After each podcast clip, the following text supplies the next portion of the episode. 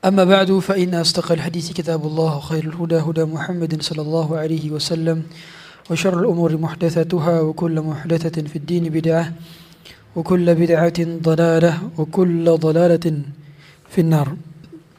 بابا يبو الله سبحانه وتعالى إن شاء الله كتا أكان من بحث مغنائي صفة صلاة النبي صلى الله عليه وسلم من التكبير إلى التسليم كأنك تراه Sesuai dengan judul daripada kitab ini yaitu sifat salat Nabi dari takbir hingga salam seolah-olah Anda menyaksikannya. Bertahun-tahun kita salat, berpuluh-puluh tahun kita beribadah. Apakah ibadah kita sudah sesuai dengan sunnah Rasulullah SAW atau ternyata masih banyak kelirunya? Dan tidak ada aibnya pada dasarnya kalau kita belajar sekarang karena lebih baik terlambat daripada tidak sama sekali. Tentu ini adalah bagian buah karya dari Syekh Muhammad Nasiruddin Al-Albani atau lebih dikenal dengan sebutan Syekh Albani. Beliau adalah ulama yang berasal dari kota Albania. Dan beliau menjadi ulama di kota Nabi SAW di kota Madinah, menjadi guru besar di sana, menjadi dosen di Fakultas Ilmu Hadis dan beliau berhasil menelurkan berbagai macam karya monumental hingga disebut oleh para ulama sebagai mujaddid atau pembaharu. Jadi setiap 100 tahun itu ada pembaharu. Innallaha yab'athu li hadhihi al-ummah ala kulli ra's mi'ati sanah man yujaddilu laha dinaha. Sesungguhnya Allah mengutus di setiap 100 tahun kepada umat ini orang-orang yang memurnikan kembali ajaran agamanya. Maka beliau menurut sebagian ulama dikategorikan sebagai mujaddid atau pembaharu abad ini dikarenakan semangat beliau dalam memperbarui agama ini sesuai dengan sunnah Rasulullah SAW sesuai dengan pemahaman para sahabat dan pemahaman para salafus saleh. Bapak Ibu yang dirahmati Allah Subhanahu wa taala, kalau kita melihat Islam itu kelihatannya seperti beragam. Ada Islam ini, ada Islam itu, ada mazhab ini, ada mazhab itu. Tentu bagi kalangan awam kebingungan. Sebetulnya Islam seperti apa sih Ustadz yang benar kan gitu. Apa pemahaman yang benar mengenai Islam? Kok ada Islam versi ini, ada Islam versi itu? Kok caranya berbeda-beda? Kok pemahamannya berbeda-beda? Ada yang menyikapinya seperti ini, ada yang menyikapinya seperti itu. Maka caranya bagaimana? Agar kita mencari kebenaran di tengah banyaknya pendapat-pendapat yang kita bingung terhadapnya, memilih yang mana. Tentu kita harus pahami bahwa Islam yang paling benar adalah Islamnya yang dibawa oleh Rasulullah Sallallahu Alaihi Wasallam.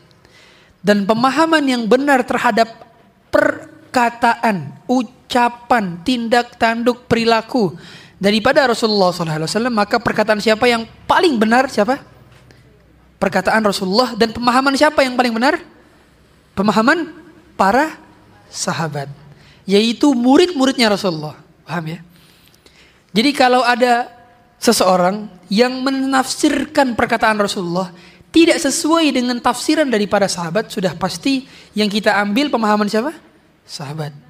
Karena murid tentu lebih paham hakikat guru, maksudnya guru, maunya guru dibandingkan murid-murid murid-murid murid lainnya. Maka pendapat yang lebih benar adalah pendapatnya para sahabat dan orang yang hidup setelah para sahabat dan orang yang hidup setelah sahabat. Sebagaimana sabda Rasulullah SAW, Beliau mengatakan khairun nasi qarni thumma alladhina yalunahum thumma alladhina yalunahum. Sebaik-baik zaman adalah zamanku. Kemudian orang yang mengikutinya, kemudian orang yang mengikutinya.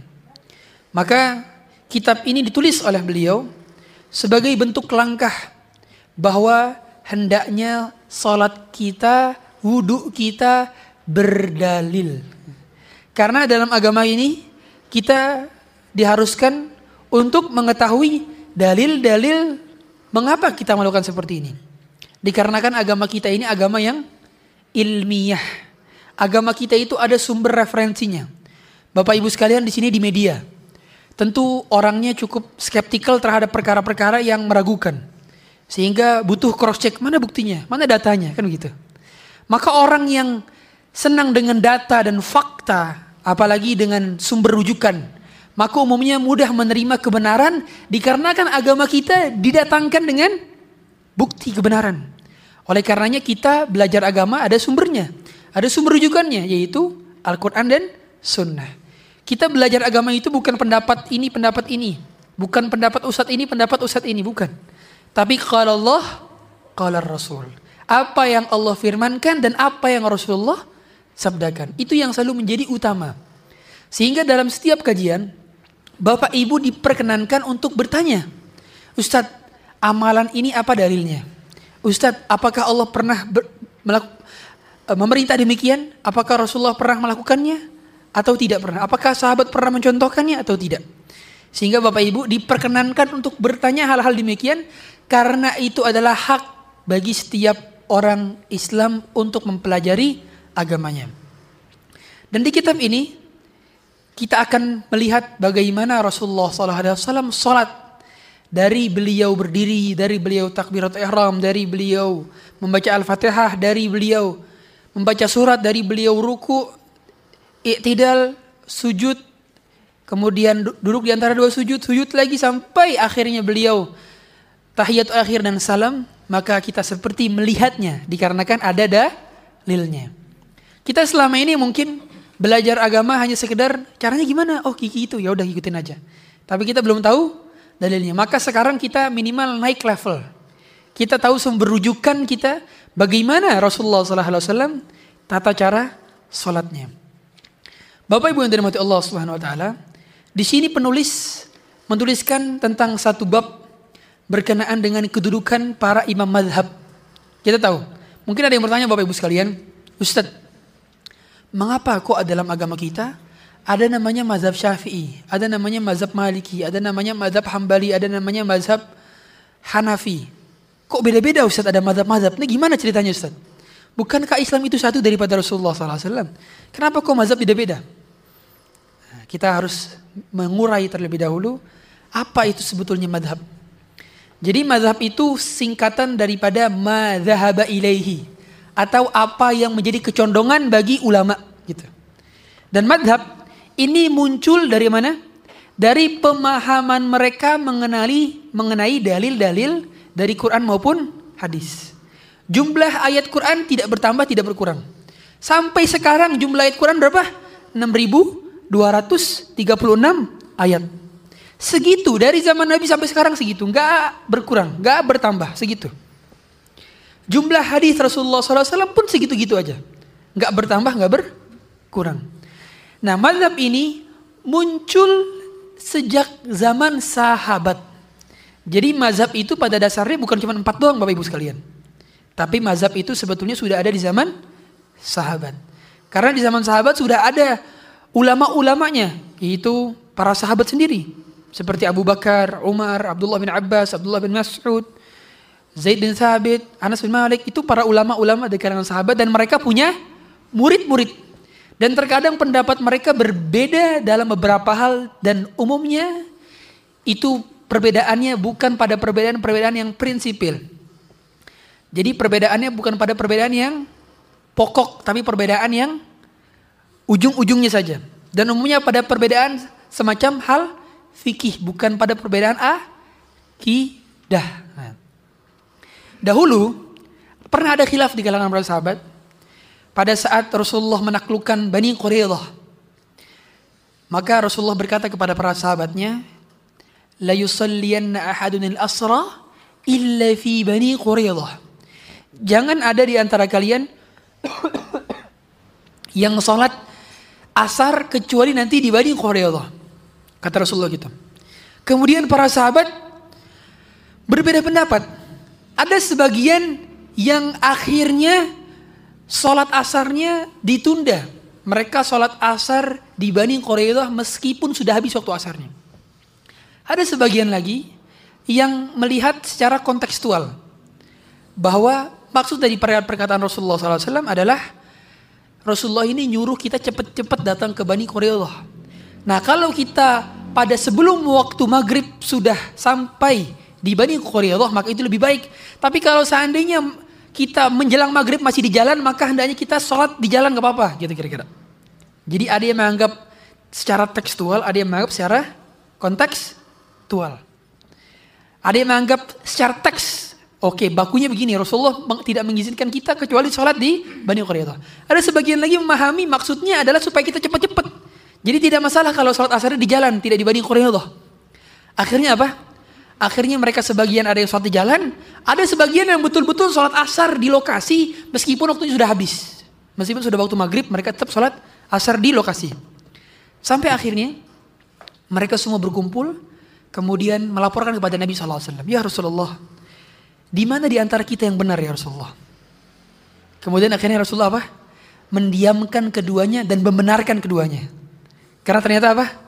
Mereka sama-sama mengikuti dalil yang sama, hanya saja interpretasinya terkadang keliru. Nah di sini dipahami timbul permasalahan perbedaan dalam mazhab fikih berasal dari mana? Interpretasi sahabat kepada dalil. Dalilnya satu, tapi interpretasinya berbeda. Inilah yang menjadikan mazhab-mazhab di awal. Tapi ingat, perbedaan hal semacam ini bukan menjadikan kita ya udahlah pilih yang enak aja yang mana, bukan seperti itu. Karena perbedaan semacam ini tetap mengharuskan kita memilih salah satu yang paling kuat dalilnya sekaligus yang paling hati-hati pendapatnya. Sehingga ketika kita dihadapkan pada pendapat ulama, contoh, ada ulama mengatakan jual beli dalam masjid itu haram. Sebagian ulama mengatakan ini makruh. Kita sebagai seseorang yang warak, yang berhati-hati, lebih pilih pendapat yang haram atau yang makruh? Yang haram. Karena kalau kita pilih pendapat yang haram, otomatis apa? Kita lebih berhati-hati untuk tidak berjualan di dalam masjid. Sehingga Bapak Ibu sekalian, mohon maaf sekali. Jangan order Gojek, uh, kemudian Grab, order ojek online, makanan online di dalam masjid. Jadi kalau kita mau order makanan, keluar masjid dulu baru order. Karena kalau kita berada di dalam masjid berarti kita sama saja melakukan larangan yang Rasulullah larang. Kata Rasulullah, "Idza ra'aitu man yabta'u am fil masjid, faqulu la arbahallahu tijarat." Kalau kalian melihat seorang berdagang di masjid, maka katakan kepadanya, "Semoga Allah tidak memberikan kamu keuntungan dari perniagaanmu di masjid." Tandanya Rasulullah melarang orang jual beli dalam masjid. Termasuk Mohon maaf sekalian, ibu-ibu sekalian. Mempromosikan barang, membicarakan masalah bisnis di dalam masjid. Ini yang banyak dilakukan oleh orang-orang yang itikaf di 10 hari terakhir di bulan Ramadan karena aktivitasnya teman-teman circle itu situ aja akhirnya eh nanti setelah ini kita buka travel umur yuk. Eh nanti setelah ini kita bisnis yuk ini yuk. Itu nggak sengaja padahal dilakukan dalam masjid. Termasuk mohon maaf sekali, umumnya banyak sekali apa namanya poster-poster atau banner-banner kajian itu yang ada logo promosinya. Nah, kita sering lihat tuh ada sponsor, sponsor-sponsor. Nah, itu tidak boleh kalau dimasukkan ke dalam banner yang ada dalam masjid. Nah, oleh karena itu, kalau mau masukin eh, sponsor-sponsor tersebut, di poster saja. Kalau di poster uh, yang online, nah itu kan nggak dilemus ke masjid kan? Itu boleh. Tapi kalau sengaja ditaruh misalkan gelasnya mereknya uh, apa gitu, ditaruh di tuh di gelasnya di di depan meja kajiannya supaya terlihat ah, ini promosi namanya. Tidak boleh kita promosi dalam masjid. Nah, oleh karena itu dalam perkara-perkara yang hati-hati, kita ketika ngelihat pendapat, ini kok berbeda dengan pendapat ini, maka umumnya kita pilih pendapat yang mana? yang paling sesuai dengan dalil yang paling kuat dalilnya. Contoh, ada satu pendapat yang satu bilang ini hadisnya hasan. Yang satu lagi bilang ini hadisnya sahih. Dia, dia pakai hadis sahih, yang satu lagi pakai hadis hasan. Kita pilih yang mana? Hadis sahih. Karena hadis sahih kedudukannya lebih tinggi daripada hadis hasan. Jadi derajat hadis itu ada beberapa ada beberapa tingkatan Bapak Ibu sekalian. Yang pertama ada tingkatan doaif. Doaif ini yang lemah yang dia tidak boleh digunakan dalam perkara akidah, dalam perkara halal haram. Yang kedua tingkatan hasan, sanat sanatnya masih baik tapi tidak begitu kuat. Yang terakhir adalah hadis yang sahih, perawinya, matannya betul, kemudian isinya, kontennya betul, dan transmisi daripada informasi tersebut benar, maka ini tingkatan sahih. Nah, dalam perkara-perkara agama, kita diperintahkan untuk berusaha semaksimal mungkin mencari hadis yang sahih untuk kita amalkan. Apalagi sekarang, mohon maaf Bapak Ibu sekalian, kita dapati grup-grup WA itu orang banyak asal nge-share. Nah, ini terkadang seringnya mereka nge-share hadis-hadis yang palsu. Nauzubillah kalau palsu. Doib saja tidak boleh kita sembarangan share. Apalagi yang palsu. Seringnya juga ada penukilan dari Ali bin Abi Thalib. Padahal bukan Ali bin Abi Thalib. Tidak pernah Ali bin Abi Thalib demikian. Dan umumnya sekarang nih saya lihat paling banyak konten tersebut di TikTok. Ini tulis hadis ini, hadis ini. Padahal tidak ada hadis seperti itu. Itu orang yang, yang nge-share-nya lagi itu bahaya. Dia termasuk bagian daripada Sabda Rasulullah SAW kata Rasulullah man kadzdzaba alayya muta'ammidan falyatabawwa maq'adahu minan nar. Siapa yang berdusta atas namaku maka dia mendapatkan kaflingan tempatnya di neraka. Nauzubillah. Itu kalau apa? Sengaja menulis hadis dhaif atau sengaja menulis hadis palsu atau mengesyarnya. Makanya kalau kita ketemu hadis salah satu hadis yang tidak ada periwayatan hadis tersebut, tidak tertulis hadis sahih apa hasan atau dhaif. Maka kita hendaknya tawakuf untuk bertanya kepada hal ilmu. Ustaz, mohon maaf, itu kira-kira hadisnya sahih atau tidak Ustaz? Barulah kalau misalnya betul sahih, kita nge-share. Dan konten-konten yang semacam ini umumnya bisa kita lihat di konten-konten dengan website Ahlus Sunnah. Nah, saya rekomendasikan beberapa website misalnya Rumah Iso. Itu insya Allah Bagus websitenya dan isi artikelnya sesuai dengan Al-Quran dan Sunnah. Kemudian muslim.org, Al-Manhaj. Kemudian juga ada uh, pengusaha muslim. Kemudian adalah muslimah.org.id. Hal-hal semacam ini kita makanya harus filter. Sekarang itu apalagi ada chat GPT Bapak Ibu sekalian. Ada chat GPT, ada BART juga. Pokoknya ada AI yang bentuknya search engine. Maka Bapak Ibu sekalian hati-hati. Karena chat GPT ini dia itu mengakses informasi terhadap apa pun yang dia diinputkan kepada dia. Sehingga tidak valid sehingga butuh cross check dari ahli ilmu. Nggak bisa kita nanya permasalahan agama itu ke chat GPT nggak bisa. Makanya tetap peran teknologi tidak akan pernah bisa menggantikan peran ustadz tidak akan pernah bisa. Tetap kita harus nanya dan cross check kepada para ahli ilmu. Sehingga kita tidak sesat belajar agamanya. Bapak Ibu yang dirahmati Allah Subhanahu wa taala, sehingga dalam hal ini di sini penulis rahimahullah atau Syekh Albani rahimahullah menuliskan tentang penjelasan kedudukan pendapat-pendapat mazhab. Sehingga tidak boleh kita mengutamakan pendapat mazhab ini, mazhab ini, mazhab ini. Padahal ternyata pendapat tersebut menyelisihi pendapat daripada sahabat dan perkataan daripada Rasulullah SAW. Oleh karenanya setiap kali kita mengcrosscheck sebuah pendapat, dilihat ini dalilnya mana, ini pendapat siapa, kemudian ini perkataan siapa, kita harus melihatnya. Dan tidak boleh kita mendahulukan pendapat mazhab di atas pendapat Rasulullah Sallallahu Alaihi Wasallam. Kalau sudah kita jelas pendapat kita, oh ini adalah perkataan Rasulullah Wasallam, maka tidak boleh kita pokoknya pendapat yang ini yang benar, pokoknya pendapat guru saya yang benar. Loh perkataan Rasulullah mengolek. Oke, kita tidak boleh juga sampai tidak beradab kepada para ulama. Tapi kalau sudah jelas terang benerang kepada kita sebuah dalil, bagaimana mungkin kita menyampingkan dalil dan mengutamakan pendapat selain daripada Rasulullah SAW? Oleh karenanya di sini penulis rahimahullah kalau kita lihat di halaman 72 dan uh, beberapa halaman lainnya, apa perkataan Imam Abu Hanifah di sini? Kita lihat. Kata beliau, "Idza sahhal hadits fahuwa madhabi. Kalau hadis itu sahih, maka itu adalah madhabku. Sehingga dipahami apa? Bahwa mazhabnya para ulama adalah hadis yang sahih.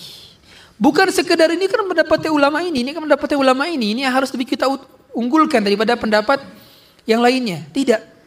Sebagai contoh Bapak Ibu sekalian, ada pendapat mengenai haramnya musik misalnya haramnya musik. Musik itu diharamkan empat madhab.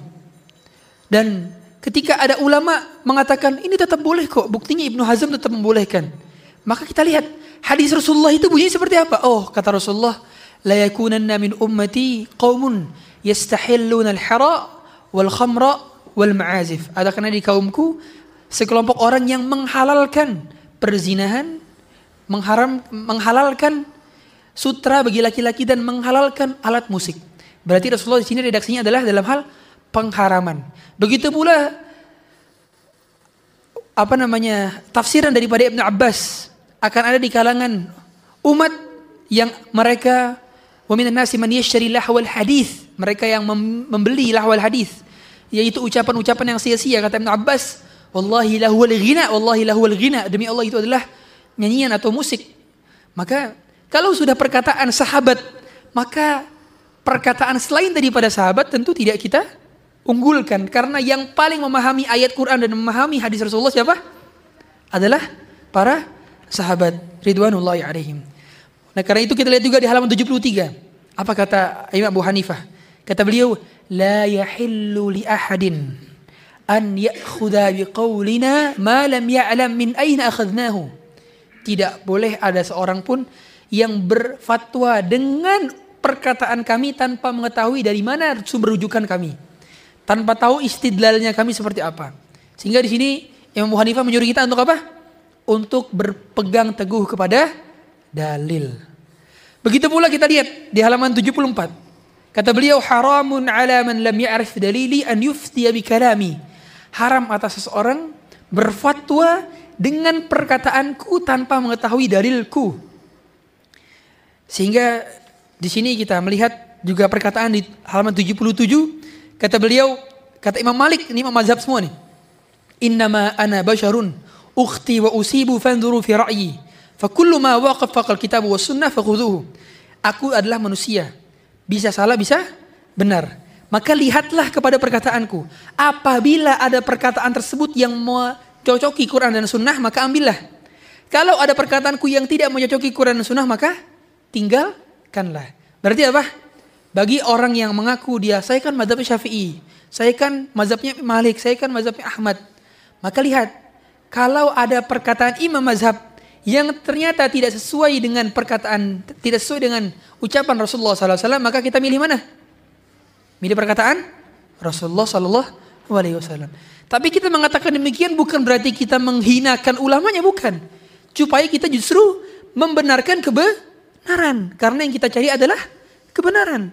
Tentu kita tetap menghormati dan para ulama yang berijtihad, yang mereka keliru maka mereka mendapatkan satu pahala. Karena kata Rasulullah apa? Idza ijtahadal hakim fa falahu ajran. Kalau ada seorang hakim mujtahid dia berijtihad tentang satu perkara dan dia benar atas ijtihadnya maka dia dapat dua pahala. Wa idza ijtahada wa idza hakama fa akhtaha falahu ajrun wahid. Kalau dia berijtihad kemudian dia keliru maka dia mendapatkan satu pahala. Sehingga para ulama yang mereka merumuskan hukum-hukum kemudian mereka keliru terhadap perkataan terhadap keliru terhadap pemahamannya maka mereka mendapatkan tetap satu pahala. Tapi kita dalam hakikatnya secara zahirnya kita tetap memilih pendapat yang benar. Jadi Bapak Ibu sekalian, kebenaran itu harus kita terima ketika dia terang benerang datang di hadapan kita. Meskipun kita rasanya berat untuk mengamalkannya. Ini kaidah dalam kehidupan. Sehingga Bapak Ibu sekalian, misalnya. Contoh. Bapak Ibu sekalian, Bapak Ibu tahukah bahwa hina, hina itu hewan tahu ya Bapak Ibu hina tahu hewan hina? Kalau belum tahu googling. Hewan hina itu hina itu menurut syariat itu halal boleh dimakan. Karena para sahabat dahulu berburu hewan tersebut. Dan mereka makan hewan tersebut. Nah, lihat. Ini mungkin agak sedikit bertolak belakang dengan pendapat kita. Eh, itu kan hewan yang seram, bertaring. Kok bisa halal? Nah, gitu. Kadang-kadang kita mendahulukan apa? Logika kita. Kadang-kadang gitu. Tapi ternyata itu halal. Dan menurut tiga mazhab itu halal. Satu mazhab itu yang mengatakan itu haram. Itu mazhabnya Abu Hanifah. Dan tiga pendapat ini merujuk kepada pendapat dari Rasulullah SAW sendiri. Karena ada hadis yang menyatakan bahwa Rasulullah mendiamkan sahabat yang berburu hewan tersebut. Coba, kalau kita pakai ego kita, pengen ini haram aja. Tapi ternyata apa agama itu bukan masalah logika. Ternyata bukan masalah logika. Tapi masalah apa? Dalil. Oleh karenanya dalam sebagian kondisi, terkadang memang ini kok nggak mencocoki. Contoh Bapak Ibu. Kita kentut. Wudhu kita batal. Kalau pakai logika, kalau kita kentutnya, kalau kentut di mana? Kentut kan di di bokong, ya. Itu kalau kita batal wudhu ya pengennya nih yang diusap cuma ke pantatnya aja, gitu. Tapi kenapa harus suruhnya juga diusap? Ya, lihat. Berarti apa? Agama itu bukan bukan logika. Agama itu adalah dalil. Dan at, oh, atak apa otak kita dan akal kita harus membenarkan apa? Dalil. Karena fungsinya otak ini bukan bertentangan dengan dalil tapi harus membenarkan dalil. Jadi fungsi Allah menciptakan kita akal, otak supaya apa? Supaya membenarkan dalil, bukan membuat dalil itu menjadi salah. Paham? Contoh lagi. Kita tahu dalam istilah agama kita itu ada mashul khufain atau mengusap sepatu atau mengusap kos kaki. Jadi Bapak Ibu sekalian, kalau Bapak Ibu sekalian sudah berwudu, kemudian setelah berwudu pakai kos kaki, kemudian batal, maka itu boleh yang diusap adalah kaos kakinya, tidak perlu sampai buka kos kaki. Dalam istilah fikih demikian. Tapi lihatlah, pada saat kita pakai sepatu, itu kan yang diusapkan sepatunya umumnya, bukan kaos kaki saja. Lihat, yang kotor itu bagian mana? Bawah apa atas? Bawah. Tapi pada saat kita mengusap sepatu kita, yang diusap itu cuma sini doang. Bawahnya nggak diusap. Padahal yang kotor mana? Yang bawah. Logikanya, yang lebih utama diusap yang mana? Yang bawah harusnya. Kalau secara logika manusia. Tapi ternyata Rasulullah menyuruh untuk kita mengusap yang atas. Dan ini hadisnya mutawatir. Hadisnya hadisnya itu diriwayatkan oleh banyak sahabat. Puluhan sahabat meriwayatkan hadis tentang masul khufain. Tandanya apa? Tandanya agama itu bukan soal akal bukan soal logika tapi soal dalil. Ya. Apalagi masalah ibadah. Makanya dalam perkara ibadah Bapak Ibu sekalian, kita itu tidak diperkenankan untuk bertanya-tanya dan mencari tahu apa hikmah Allah Subhanahu wa taala menyuruh saya seperti ini, menyuruh seperti ini dalam perkara-perkara ibadah. Contoh. Kita nanya misalkan, kenapa sih sholat subuh itu dua rakaat, kenapa nggak tiga rakaat aja? Kenapa nggak empat rakaat aja? Kan lebih senang gitu di pagi hari. Nah, pertanyaan seperti ini tidak boleh terlontarkan karena itu sifatnya apa? Tauqifi. Tauqifi itu apa? Tauqifi itu sesuatu yang sifatnya kita nggak mengetahui hakikat aslinya karena itu yang mengetahui hakikatnya adalah Allah Subhanahu wa taala. Jadi dalam perkara ibadah itu sifatnya sami'na wa ata'na dan kita tidak bertanya-tanya, tidak banyak bertanya. Atau Bapak Ibu misalkan yang umroh dan haji. Kenapa sih tawaf itu harus tujuh putaran? Kenapa enggak tiga putaran aja? Kenapa enggak sepuluh putaran aja? Nah pertanyaan seperti ini kan kita nggak tahu jawabannya. Yang tahu hanya Allah SWT. Maka tidak perlu ditanyakan. Nah gitu. Tapi pada perkara-perkara yang sifatnya fikih muamalah. Nah beda jadi Bapak Ibu.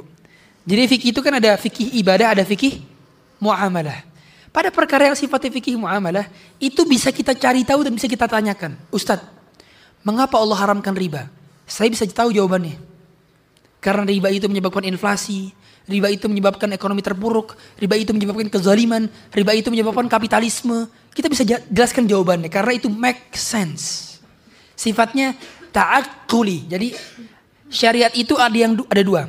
Ada yang dapat dinalar, ada yang tidak dapat dinalar.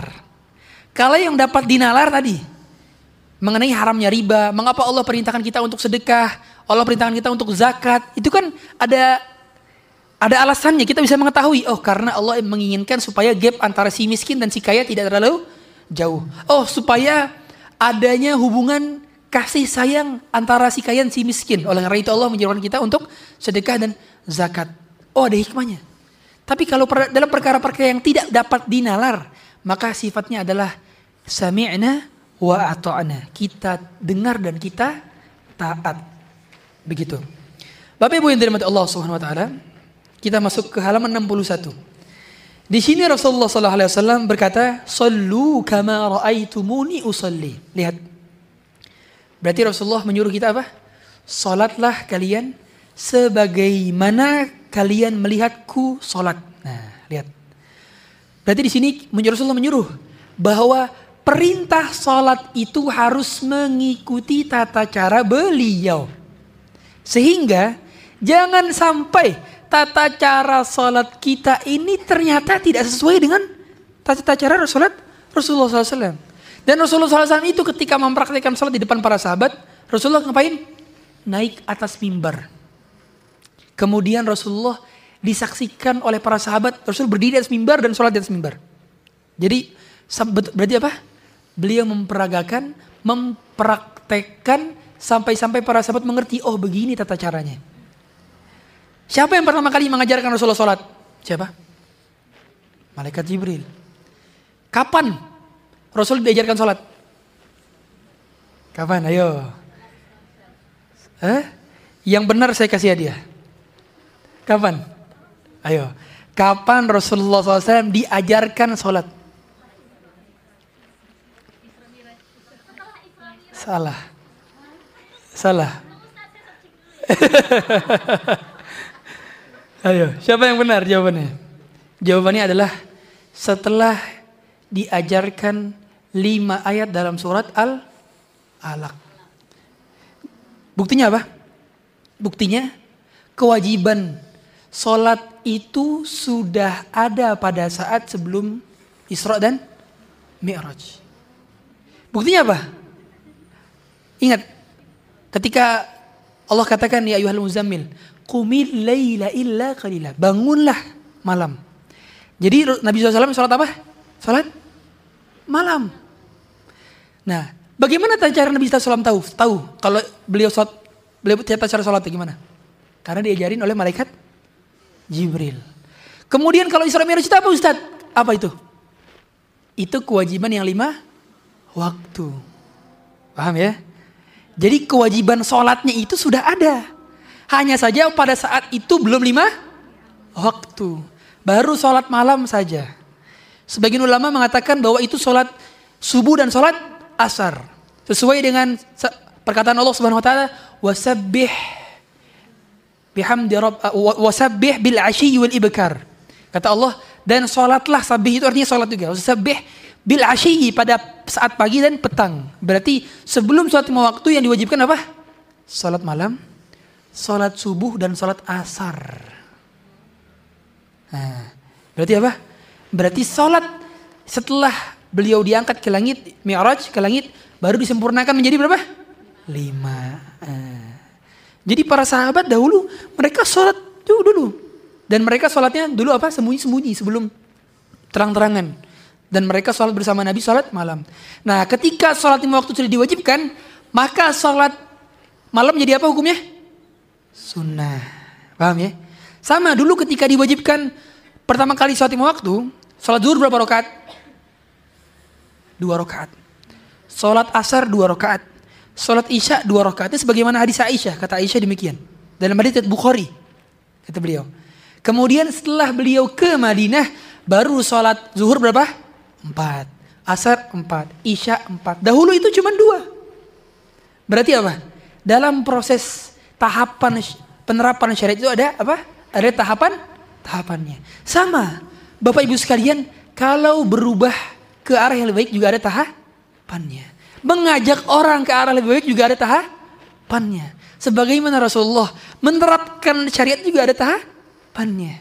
Itulah hikmah kita belajar tentang syariat. Nah di sini Rasulullah mengatakan selu kama raaitumuni usalli berarti dalam segala hal ibadah kita diperintahkan untuk copy paste saja. Ya. Jadi dalam perkara ibadah kita tidak diperbolehkan untuk ngapain? Berinovasi. Pokoknya saya pengennya begini Ustaz. Saya pengen kalau takbir pokoknya begini aja. Gak mau begini. saya lebih nyamannya begini Ustaz. Ibadah itu bukan soal nyamannya kamu kayak gimana, bukan. Tapi sesuainya kamu dengan dalil apa tidak kan itu. Ustaz saya enaknya kalau habis sholat itu tangannya kebuka Ustaz katanya. Jadi habis assalamualaikum, assalamualaikum warahmatullahi assalamualaikum warahmatullahi. Saya pengen kebuka aja Ustaz. Pertanyaannya bukan kamu nyaman atau tidak. Pertanyaan Nabi kayak gitu atau tidak kan gitu. Sama dalam perkara ibadah. Yang lainnya. Ustadz saya pengennya kalau batuk-batuk saya mengucapkan Alhamdulillah juga Ustadz. Sama seperti bersin. Pertanyaannya Nabi kalau batuk ucapin Alhamdulillah atau tidak? Nabi nggak ngucapin. Ya udah kamu nggak usah menjadikan itu sebagai sebuah ibadah kan gitu. Jadi nggak bisa kalau segala hal itu Bapak Ibu sekalian ketentuan dalam agama ini bilangannya, lafaznya, waktu diucapkan itu semua harus menuju kepada sabda Rasulullah SAW dan ayat Quran. Jadi kita nggak bisa Bapak Ibu sekalian Ustadz. Saya kemarin dapat amalan dari kiai ini. Katanya kalau saya sukses saya Al-Fatihah seribu kali setiap sholat maghrib. Saya tanya lagi, kira-kira itu ada dalilnya dari Nabi SAW? Kalau mau sukses suruh baca Al-Fatihah seribu kali. Ah oh, nggak ada Ustaz, berarti nggak kamu nggak usah ngelakuin. Ustaz, kemarin saya ada acara Ustaz, baca surat tertentu di malam Jumat. Tanya sama Ustaz kamu, ada gak dalilnya? Kalau nggak ada dalilnya maka tidak perlu dikerjakan. Karena dalam agama ini kita jelas, yang ada dari Nabi kita kerjakan, yang tidak ada nggak usah kita kerjakan. Sederhana kan? Sebaliknya dalam perkara yang yang apa namanya? Yang sifatnya teknologi, sifatnya dunia, maka kita diperintahkan untuk berinovasi. Jangan kebalikan. Coba sekarang. Kita dalam perkara dunia ngikut terus ke barat. Coba kita nggak punya model Instagram. Ada nggak kita Instagram versi Muslim? Sekarang ini posting Palestina aja diboikot terus kita. Ya kan di terus. Karena kita nggak punya sosial media. Kebalik karena apa? Karena kita dalam perkara dunia ngikut, dalam perkara agama justru malah berinovasi. Kan kebalik. Harusnya dalam perkara agama kita tawakuf, mencukupi apa yang datang dari Rasulullah, sedangkan dalam perkara dunia kita ngapain? Berinovasi. Nah kaum muslimin saat ini ada yang kebalik. Sehingga kita perlu meluruskannya. Jadi kalau memang di antara kita mau belajar ilmu fisika, ilmu matematika silahkan. Kedokteran silahkan. Karena agama kita ini menjunjung tinggi juga ilmu pengetahuan Tahuan. Dan kita juga diperintahkan untuk berinovasi. Makanya kalau kita Arab Saudi contoh. Negeri yang Allah berkahi. Semoga Allah rahmati. Khadimul Haramain Syarifain. Itu mereka apa? Dalam perkara pada dunia sekarang. Di Universitas Islam Madinah aja sekarang udah ada fakultas kedokteran. Di UIM. Bahkan di Universitas Jamiatul Imam itu sudah ada fakultas-fakultas yang terbarukan menangani teknologi. Berarti mereka juga tidak apa? tidak mendikotomikan keilmuan dan begitu pada dasarnya. Bapak Ibu yang dirahmati Allah Subhanahu wa taala, kemudian di antara penulisan kitab ini adalah dengan merujuk kepada dalil-dalil. Bapak Ibu mungkin sebelumnya pernah belajar tata cara sholat. Dulu mungkin kita sering belajar tata sholat tuh yang sifatnya Bapak Ibu mungkin lihat ya, buku yang warna biru ya. Ya, buku warna biru itu itu masyur sekali itu buku itu, masya Allah. Semoga Allah rahmati penulisnya dan yang ini. Nah, kalau penulisan buku itu, itu kan modelnya kan apa? Modelnya kita cuma dikasih tahu gerakannya sama bacaannya aja, ya kan? Nah, kalau di sini ini lebih dalam lagi. Ibaratnya ini kita lebih naik level lah Bapak Ibu sekalian. Kita naik level karena di sini penulis menuliskan dalilnya. Dalilnya sahih atau tidak. Kemudian tata caranya seperti apa, pendapat para ulama seperti apa. Sehingga semoga saja kita semakin kokoh dengan pendapat atau dengan dalil-dalil yang kita pelajari. Maka kalau kita lihat di sini, kita mulai di bab pertama, yaitu di bab mengenai Bapak Ibu silahkan lihat halaman Nah ini kalau bab pertama mengenai ini adalah dibahas di dalam halaman 125. 125. Lihat di halaman 125. Ya. Ini Bapak Ibu sekalian, ini adalah salah satu buku yang paling best seller. Jadi kalau kita nanya, buku apa yang paling bisa di abad, di abad ini, maka jawabannya buku ini. Ini buku yang paling seller. Dicetak dengan berbagai macam bahasa, dicetak oleh berbagai macam penerbit, dan di Indonesia saja dicetak berbagai macam penerbit ini. Dan ini termasuk salah satu versi yang paling lengkap yang Bapak Ibu pegang pada saat ini. Ini adalah versi yang paling lengkap. Lihatlah menghadap kiblat. Jadi di antara syarat pertama dalam kita sholat adalah menghadap kiblat. Nah, menghadap kiblat ini haruslah sesuai dengan keyakinan kita, dengan ijtihad kita. Makanya kalau orang sholat, kemudian dia salah kiblat, maka dia harus mengulang kembali sholatnya. Kalau dia mengetahui, ya. Tapi kalau dia tidak mengetahuinya, maka sholatnya tetap sah. Ya. Dan perintah menghadap kiblat ini sesuai dengan sabda Rasulullah SAW. Lihat kata Rasulullah, "Idza qumta ila salati fasbighil wudu, thumma istaqbilil kiblata fakabbir." Kalau kalian mau salat, maka hendaknya berwudu fa'asbigh. Asbigh itu apa?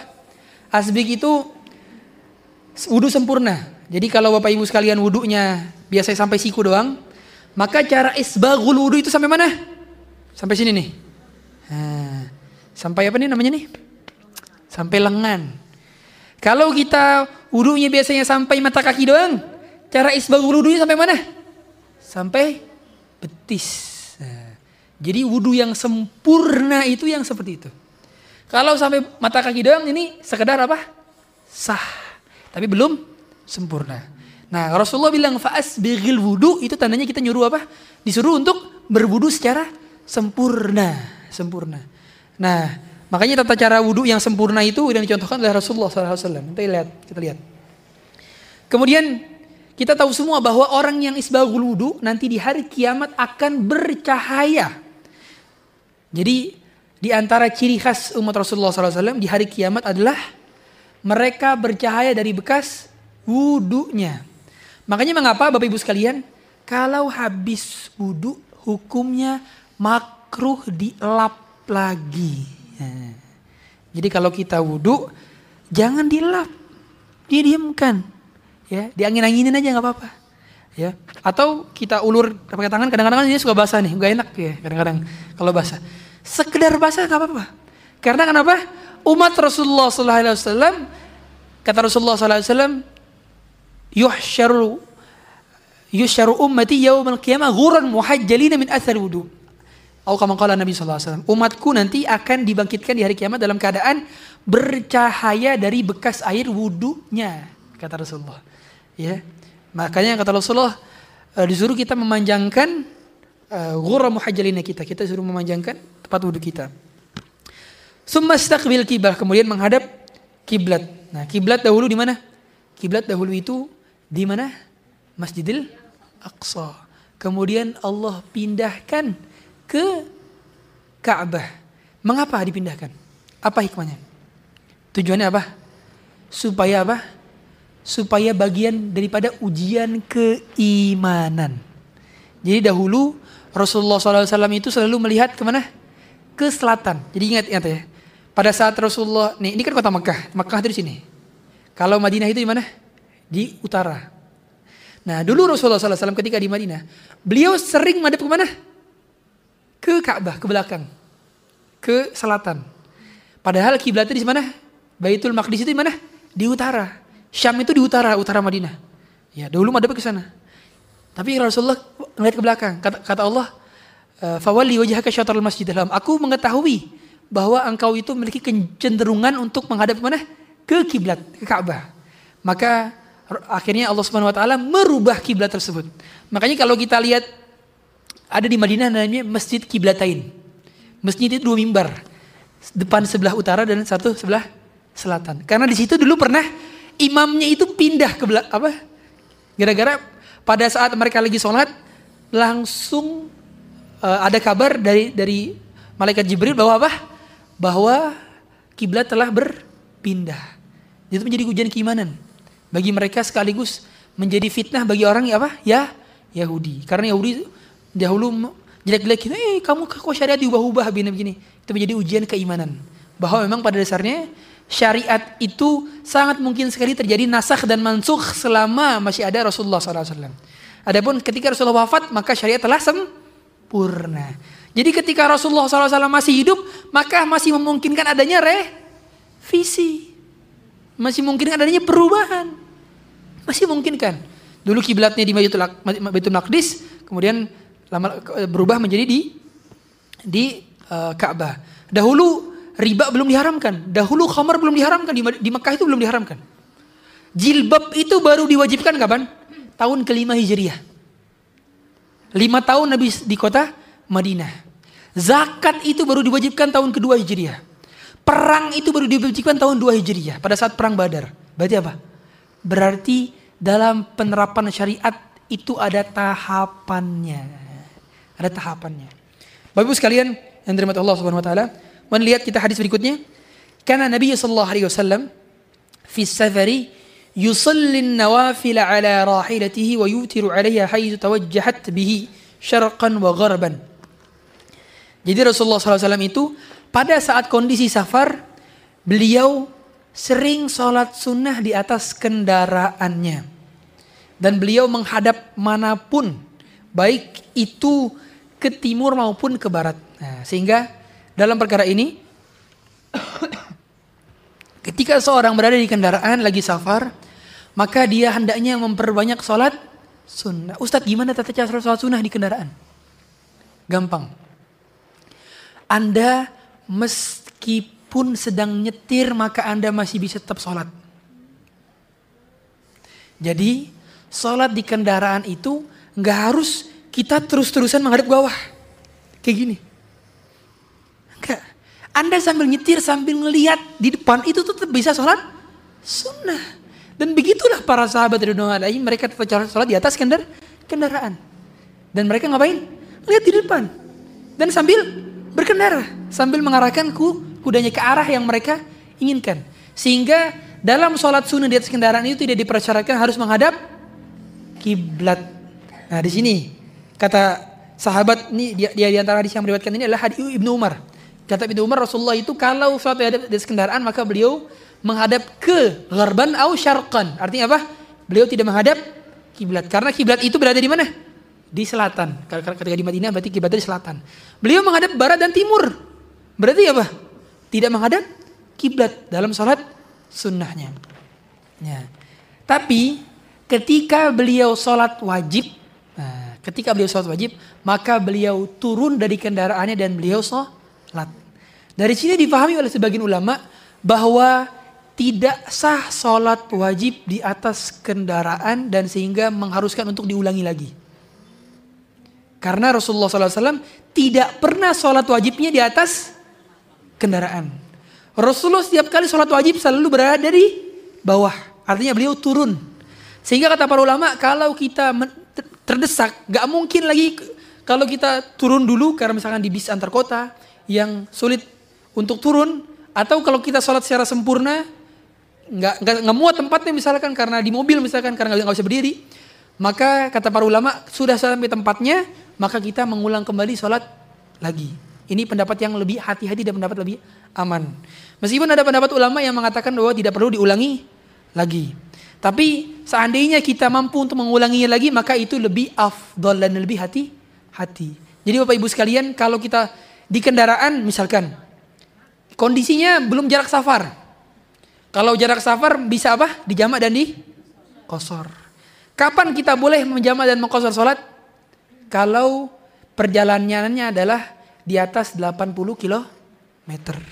Nah, kapan kita sudah boleh menjamah dan mengkosor setelah keluar dari batas apa itu namanya? Batas kota. Batas kota itu di batas kelurahan atau batas kecamatan. Contoh. Bapak Ibu sekalian mau ke Bandung. Jakarta ke Bandung itu saya pernah ngitung itu 100 km lebih. Sehingga Bapak Ibu sekalian, sudah boleh menjama dan mengkosor sholat itu pas kapan? Setelah keluar dari batas kecamatan atau kelurahan daripada tempat tinggal Bapak Ibu. Batas kota. Atau apa namanya ada gapura biasanya, ada gapura yang selamat datang. Ya, itu tuh kalau pas itu udah, udah boleh kita untuk mengkosor dan menjama sholat. Kalau kosor itu hanya untuk pada saat safar, kalau jamak itu pada saat ada masyakkah, sehingga sebagian ulama mengatakan bolehnya menjamak tanpa mengkosor di dalam rumah. Sehingga kata mereka, kalau pas sebelum berangkat pas di rumah masih boleh. Ya.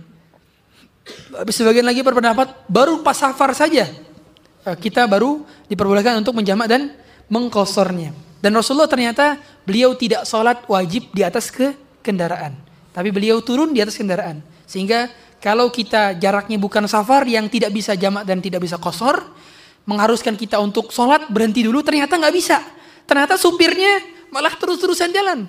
Kita bus angkutan umum misalnya, Maka mau nggak mau kita sholat semampunya di atas kendaraan.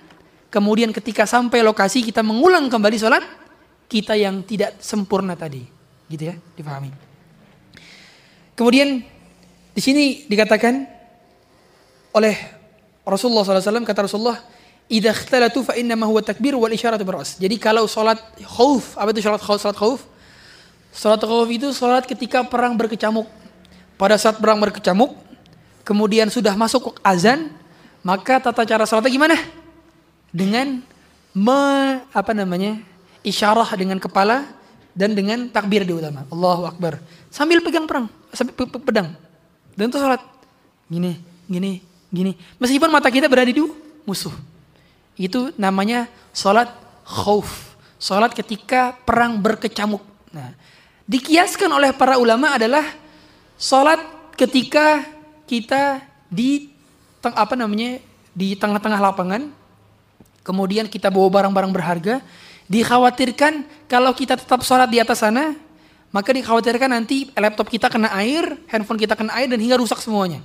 Sehingga diperbolehkan pada saat itu kita apa namanya ambil barang-barang kita sambil lari kemudian melanjutkan salat lagi. Tidak dibatalkan. Jadi misalnya Bapak Ibu sekalian salat di lapangan. Saya dapat pertanyaan ini umumnya uh, bagi pekerja tambang. Saya dua tahun di Kalimantan di perusahaan batu bara. Saya jadi imam masjid di sana. Dan saya dapat pertanyaan Ustadz, kami kalau sholat zuhur itu di tambang Ustadz. Jadi beratapkan langit di atas unit kata mereka. Nah itu mereka apa namanya sholatnya dengan cara demikian. Terus gimana Ustaz kalau tiba-tiba hujan besar Ustaz? Sehingga mengharuskan kami untuk berpindah. Maka jawaban saya, sholat Anda tidak boleh dibatalkan tapi Anda mengambil barang Anda dan bergeser, berpindah, lari pun tidak batal. Dikarenakan apa? Masuk kategori sholat khauf. Karena sholat dalam kondisi dah darurat. Karena sholat wajib itu tidak boleh dibatalkan kecuali dalam keadaan darurat. Contoh, Bapak Ibu sekalian, kalau Bapak Ibu sekalian lagi di rumah, kemudian Bapak Ibu tiba-tiba ada tamu. Biasanya ibu-ibu di rumah ya, kalau Bapak di masjid waktu wajib ya. Misalkan sholat asar yang tidak bersuara. Tiba-tiba ada tamu ngetok, Assalamualaikum. Bapak, Ibu, ibu-ibu tidak boleh membatalkan sholatnya. Karena Sholat wajib itu tidak boleh dibatalkan kecuali satu darurat. Sedangkan membuka pintu tamu itu bukan kategori darurat. Darurat itu gimana? Kalau gempa bumi baru darurat. Darurat itu kalau kebelet pup atau kebelet pipis itu darurat. Itu boleh baru dibatalkan. Tapi kalau kondisi lagi, mohon maaf, tiba-tiba ada tamu, atau tiba-tiba dipanggil oleh orang tua maka tidak boleh dibatalkan. Yang boleh dibatalkan adalah sholat sunnah. Karena kata Rasulullah kata, kata Allah Subhanahu wa taala ya ayyuhalladzina amanu la tubtilu sadaqatikum. Wahai sekalian manusia jangan kalian batalkan sedekah kalian. Kata para ulama kalau sedekah saja tidak boleh dibatalkan apalagi sholat. Adapun sholat sunnah boleh dibatalkan. Sebagaimana kata Rasulullah SAW, as-saimul mutatawwi amiru nafsihi. Salat sunnah itu atau puasa sunnah itu adalah kehendak bagi seorang yang melakukannya. Sehingga termasuk di antaranya mohon maaf sekali. Puasa wajib. Puasa kodok itu tidak boleh dibatalkan karena ada tamu. Bapak ibu sekalian sering di bulan syawal Bapak ibu biasanya kodok Ramadan. Ya kan? Ini kan puasa kodok. Nah Bapak Ibu tidak boleh membatalkan puasa kodok Bapak Ibu sekalian hanya karena ada tamu yang pengen kita sidangkan makanan dan kita nggak enak, tidak boleh. Karena puasa kodok itu puasa wajib. Berbeda dengan puasa syawal. Kalau puasa syawal itu puasa sun. Nah, kalau puasa sunnah boleh kita batalkan. Rasulullah sering kali membatalkan puasa sunnahnya. Kapan? Pada saat beliau apa? Ada makanan dari istrinya.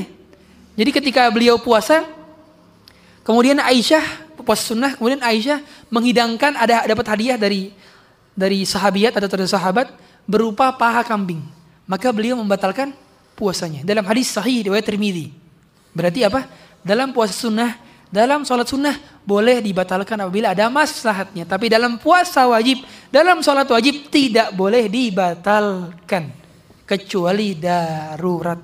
Sakit misalnya, boleh dibatalkan, ya. Kemudian dari sini juga difahami bahwa kewajiban kita menghadap kiblat adalah kewajiban yang mutlak sehingga tidak boleh salat menghadap selain daripada kiblat. Nah, ini kata Allah Subhanahu wa taala, "Qad nara taqallubu wajhika fis sama." Kami mengetahui kecenderunganmu menghadap kiblat ke Ka'bah. Fawalliyan falan walliyannaka kiblatan tardaha. Kami akan mengubah kiblat tersebut sesuai dengan apa yang kau inginkan. Fawalli wajhaka syatrul Masjidil Haram. Maka palingkanlah kiblatmu kepada Masjidil Haram. Maka di sini ada nasikh dan mansukh. Akhirnya Rasulullah SAW mengubah kiblat mereka menjadi ke arah Baitul Haram atau menjadi ke arah Masjidil Haram. Ibu sekalian dari Allah Subhanahu wa taala, kita lanjut di halaman ke-130 tentang berdiri. Berdiri. Di sini Syekh Albani menukilkan satu ayat yaitu waqumu lillahi qanitin. Jadi dalam salat itu diwajibkan berdiri bagi yang mampu. Sehingga salat itu diperkenalkan bagi orang yang duduk. Kalau Bapak Ibu sekalian tidak mampu untuk sholat berdiri, maka diperbolehkan untuk duduk. Tapi pada sholat sunnah, nah, pada sholat sunnah, itu diperbolehkan duduk meskipun mampu berdiri. Dahulu Rasulullah SAW juga sholat duduk pada saat beliau sholat sunnah. Tapi ingat, pahalanya apa? Setengah. Nah, pahalanya setengah. Jadi kalau Bapak Ibu misalkan mau sholat kubliyah ba'diyah, itu diperbolehkan duduk meskipun Bapak Ibu bisa berdiri. Tapi pahalanya setengah. Setengah. Ya. Uh, hadisnya mana? Hadisnya adalah hadis daripada Amr bin As. Pada saat itu Rasulullah SAW sholat duduk kemudian Amr bin As bertanya, ya Rasulullah, innaka tusalli qa'idan. Rasulullah, sesungguhnya engkau sholat duduk. Kata Rasulullah apa? Sesungguhnya sholat duduk itu setengah daripada sholat berdiri, kata beliau. Dan ini pada perkara sholat sunnah. Dan beliau tidak pernah sholat duduk dalam perkara wajib kecuali saat, sedang sakit. Beliau pernah sholat dalam kata duduk dan beliau sedang sakit. Ya, pada saat beliau digopoh oleh oleh uh, sahabat Ali bin Abi Thalib dan uh, oleh sepupunya dari kanan dan kiri. Kemudian beliau sholat subuh terakhir. Jadi sholat terakhir yang beliau laksanakan bersama para sahabatnya sholat apa? Subuh. Karena beliau wafat di Senin waktu duha. Dan beliau sholat subuhnya masih di masjid. Berarti apa? Beliau meskipun sakit tidak menghalangi beliau pergi ke masjid. Dan beliau pada saat itu sholatnya duduk. Dan di belakangnya ada siapa? Ada sahabat. Jadi beliau sempat mengimami para sahabat. Meskipun pada saat itu yang imam sebelumnya siapa? Abu Bakar. Jadi pada saat beliau uh, masbuk, jadi yang sudah jadi imam adalah Abu Bakar. Kemudian ketika Rasulullah datang, maka Abu Bakar pengen mundur sedikit supaya yang menjadi imamnya Rasulullah saja. Tapi Rasulullah menolak, mengisyaratkan udah tetap kamu aja. Tapi akhirnya uh, Abu Bakar mundur dan sejajar dengan Rasulullah SAW.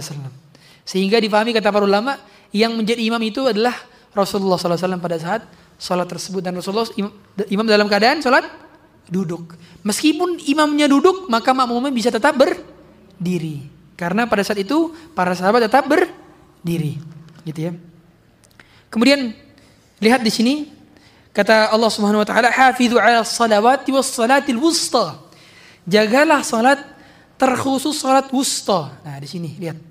Berarti di sini kita disuruh menjaga menjaga sholat wusta. Apa itu sholat wusta? Sholat asar. Mengapa di sini Allah katakan jagalah sholat-sholat dan jagalah sholat asar. Padahal sholat asar itu bagian daripada sholat sholat. Berarti apa? Sholat asar itu adalah sholat yang paling istimewa di antara kelima sholat waktu lainnya. Makanya kata para ulama, siapa yang meninggalkan sholat asar bukan kata para ulama kata Rasulullah SAW ahbatu anhu amaluh atau kamu kala Nabi SAW amal ibadahnya akan tergugurkan semuanya. Sampai segitunya. Jadi ada beberapa dosa yang dapat menggugurkan amalan. Di antaranya adalah meninggalkan sholat asar. Dan ternyata mohon maaf Bapak Ibu sekalian, banyak sekali orang di zaman sekarang karena kehidupannya tinggalnya di Bogor, kerjanya di Jakarta, pulangnya mereka pas azan asar sehingga mereka baru sampai rumah maghrib di kereta nggak sempet untuk sholat asar, akhirnya meninggalkan sholat asar. Dan ini dosanya besar sekali Bapak Ibu sekalian.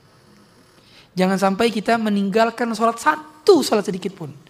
Sampai-sampai kata para ulama, kalau kalian bermaksiat di malam harinya, jangan sampai paginya ketinggalan sholat. Sampai segitunya. Karena tidak ada maksiat yang lebih besar daripada meninggalkan sholat. Dosa zina sekalipun itu tidak lebih besar daripada dosa meninggalkan satu sholat. Bapak ibu nggak sholat subuh misalnya. Ini dosanya lebih besar daripada dosa mencuri, lebih besar daripada dosa ber zina. Karena meninggalkan sholat adalah dosa yang paling besar setelah dosa syirik. Kemudian kata Rasulullah SAW, lihat. Kata beliau, Salli. Atau salat Rasulullah SAW fi maradihi, fi maradi mautihi jalisan. Beliau terakhir sholat dalam keadaan sakit, dalam keadaan duduk. Tahapannya gimana? Tahapannya adalah kalau nggak bisa berdiri maka sholat duduk.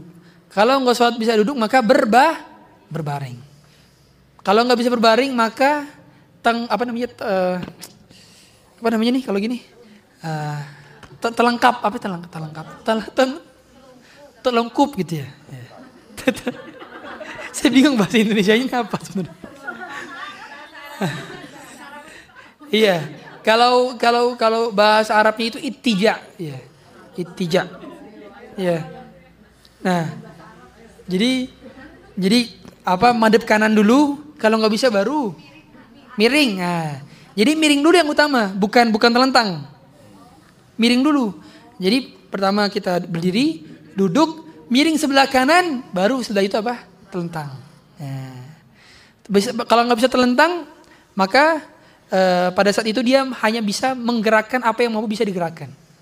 Kalau kepalanya bisa digerakkan, gerakkan kepalanya. Kalau nggak bisa menggerakkan apa pun dari anggota tubuhnya, maka minimal matanya yang digerakkan. Kalau nggak bisa juga matanya digerakkan, maka digerakkan hatinya. Kalau nggak bisa digerakkan hatinya, maka disolatkan. Iya, meninggal dunia. Berarti, ya. Nah, kemudian di sini kita lihat uh, di antara hadis bahwa orang sakit itu boleh sholat sambil duduk. Jadi kata Rasulullah Sallallahu Alaihi Wasallam, "Salli qa'iman." Salatlah berdiri. Fa illam tastati' fa qa'idan. Kalau nggak bisa maka salatlah duduk. Fa illam tastati' fa ala jamb. Nah, kalau nggak bisa maka berbaringlah di atas lambung. Lihat. Berarti apa? Mi miring. Ya. Berbaring lambung berarti apa? Miring kanan. Berarti nggak langsung telengkap apa? Telengkap lagi. Tertelentang. Nggak langsung telentang. Dari duduk nggak langsung telentang, tapi nggak apa? Miring sebelah kanan. Miring kanan dulu. Kalau nggak bisa miring kanan, baru setelah itu apa? Telentang. Seperti itu ya. Nah, saya ngerasain rasanya sholat betul-betul susah ketika dioperasi itu 2022 tahun lalu, belum lama. Saya operasi appendix dan itu betul-betul nggak bisa miring, miring nggak bisa, gerak nggak bisa, betul-betul hanya bisa menggerakkan menggerakkan apa? Kepala dan mata. Tangan nggak bisa digerakkan karena betul-betul sulit. Dan begitulah rasanya kita merasakan nikmatnya sehat ketika sedang sakit ya. Dan makanya nih lihat nah hadis di halaman 1 132 Bapak Ibu sekalian lihat ini hadis mengenai bahwa pahala daripada sholat duduk sholat sunnah adalah setengah. Kata Rasulullah apa? Man shalla qa'iman fahuwa afdal. Wa man shalla qa'idan falahu nisfu ajril qa'im. Nah, siapa yang sholat berdiri maka dia afdol. Siapa yang sholat duduk maka dia mendapatkan setengah daripada orang yang sholat berdiri. Nah, dan siapa yang sholat tertidur, waman shallana iman, fi riwayatin waman muttaji'an falahu nisfu ajril qa'id. Maka dia dapat pahala setengah daripada orang yang duduk. Berarti apa? Berarti seperempatnya orang sholat yang ber berdiri. Nah, jadi kalau orang yang sholat sunnah dia berbaring, itu juga sah sholatnya. Tapi dia dapat pahala berapa? Seperempat dari orang yang sholat berdiri. Ini hadis Rasulullah SAW. Dan ini hadis sahih riwayat Bukhari. Ya. Dan beliau SAW mengatakan juga, Inna salat al-qa'idi ala nisfi min salat al-qa'im. Sungguhnya salat orang duduk itu adalah setengah orang yang salat berdiri. Kemudian salat di kapal laut. Nah Bapak Ibu sekalian, ketika salat di kapal laut gimana? Maka salatnya adalah tetap berdiri. Nah, dahulu kalau kapal-kapal itu nggak sebesar seperti sekarang. Sekarang aja ada kapal persiar. Dan ada kapal yang ada kolam renangnya di dalam kapal. Ada. Iya, saya bingung itu gimana orang bisa menciptakan mall dalam sebuah kapal. Ada kan sekarang kapal-kapal seperti itu. Nah kalau zaman dahulu kapal ya sekedar kapal, sekedar perahu begitu. Dan kalau kita sholat di atas perahu maka sholatnya tetap berdiri. Kecuali kalau takut tenggelam. Nah, kalau kapalnya kecil, pendek, maka kalau dikhawatirkan kita tenggelam maka sholatnya boleh duduk. Nah, demikian kata Rasulullah SAW. Kata Rasulullah, Salli fiha qa'iman illa anta khafal gharaqa. Rasulullah itu, kalau kita lihat dalam kehidupan beliau, beliau itu nggak pernah apa? Nggak pernah naik kapal. Apakah pernah teriwayatkan beliau pernah naik kapal? Nggak pernah. Tapi beliau pernah mencontohkan dan pernah memberikan sabda bahwa kalau kalian sholat di atas kapal, maka tata caranya adalah dengan berdiri. Ya. Kemudian beliau juga sholat sunnah malam dengan cara berdiri dan duduk. Berarti Bapak Ibu sekalian, kalau Bapak Ibu mau sholat malam qiyamul lail, sholat tahajud itu boleh du duduk. Boleh duduk. Nah kita lihat kata Aisyah karena Nabi Shallallahu Alaihi Wasallam yusalli laylan tawilan qa'iman wa laylan tawilan qa'idan. Dalam satu malam yang sama beliau sholat setengah malamnya itu Sholat duduk, setengah malam lagi sholat berdiri. Terkadang juga beliau semalam suntuk, beliau berdiri, semalam suntuk, beliau duduk. Berarti diperbolehkan sholat dalam keadaan duduk pada sholat tahajud. gitu ya. Uh, kemudian beliau sallallahu alaihi wasallam salat subhata qa'idan fi akhir hayatihi lammas asanna. Umumnya beliau sholat duduk itu ketika sudah menua. Kemudian beliau juga sholat apa? beliau sholat itu menggunakan sendal. Nah, jadi dahulu Masjid Nabawi itu gimana Bapak Ibu? Nggak berkarpet dan nggak ada lantainya, tanah doang. Dan para sahabat dan Nabi SAW juga sholatnya di atas apa? Sendal-sendal mereka. Ya. Makanya sunnah termasuk sunnah kalau kita sholat di trotoar misalnya. Kalau kita ke Masjid Nabawi atau ke Masjidil Haram itu banyak orang sholat di trotoar dan mereka mempraktekkan sunnah di atas apa? Sendal.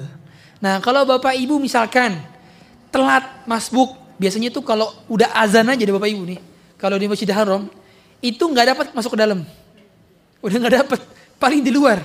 Kalau di luar udah pasti nggak dapat karpet, trotoar trotoar.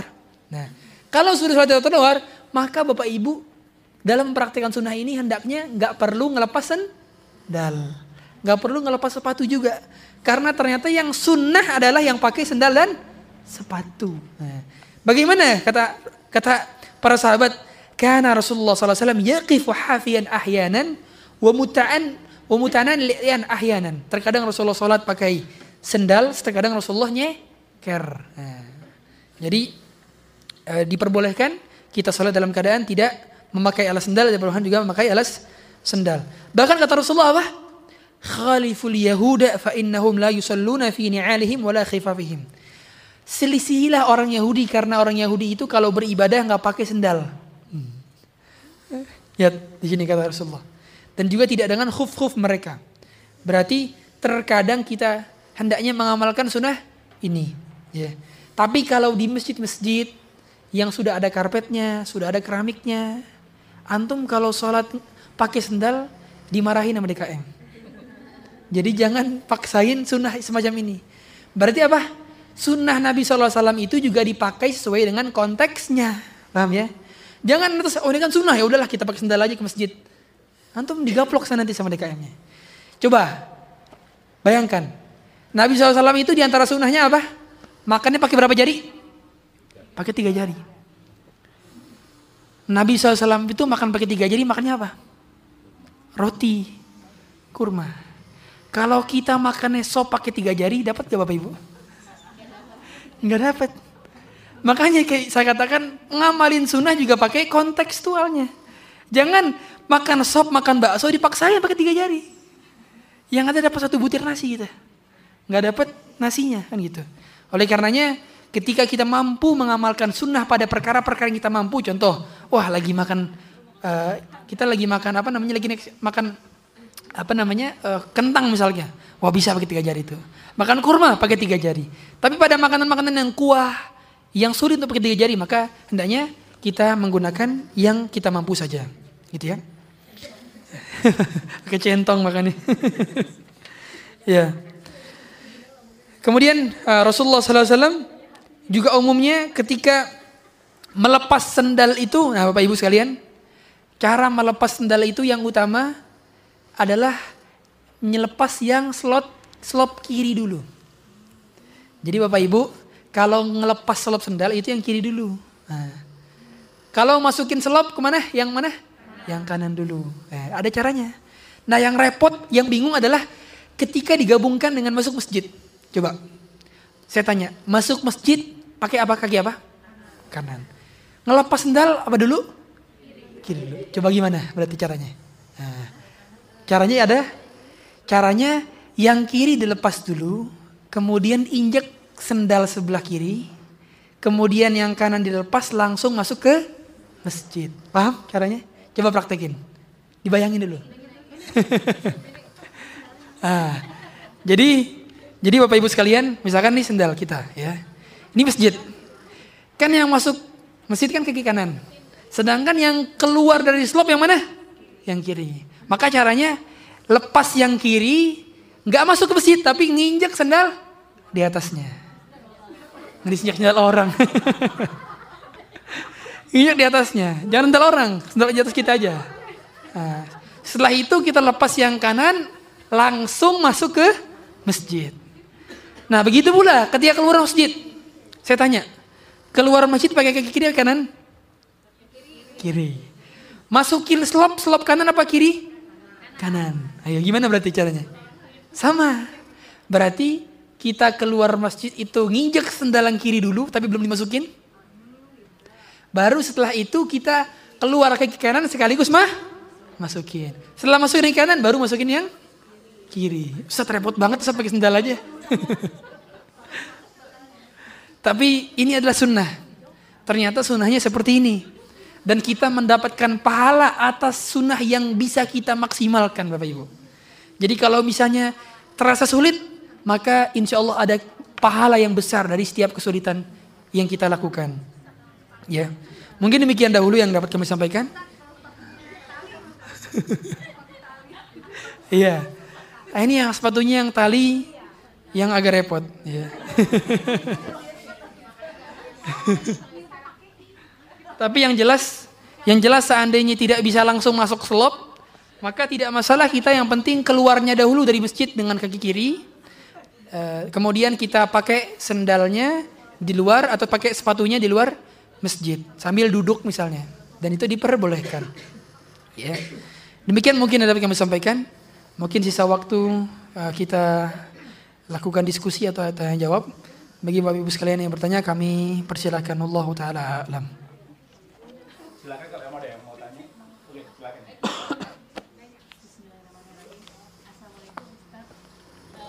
Saya mau bertanya, uh, ini pengalaman sih sebenarnya saya itu uh, bekerja uh, pulang kantor itu jam setengah lima sore dan uh, kadang perjalanan rumah saya di Tangerang uh, kantor di Jakarta dan uh, kadang kalau lagi lancar saya kejar maghrib di Ustaz tapi kadang juga itu kodar Allah di perjalanan yang sangat macet sekali kadang bisa sampai jam 7 malam baru saya sampai di rumah itu apakah saya bisa mengkodok karena kan memang jaraknya kan tidak sampai 70 km itu ya Ustaz uh, atau baiknya seperti apa karena memang travel saya yang uh, ready itu memang hanya jam 5 sore keberangkatannya jadi memang itu yang menjadi kegalauan saya sebenarnya apakah saya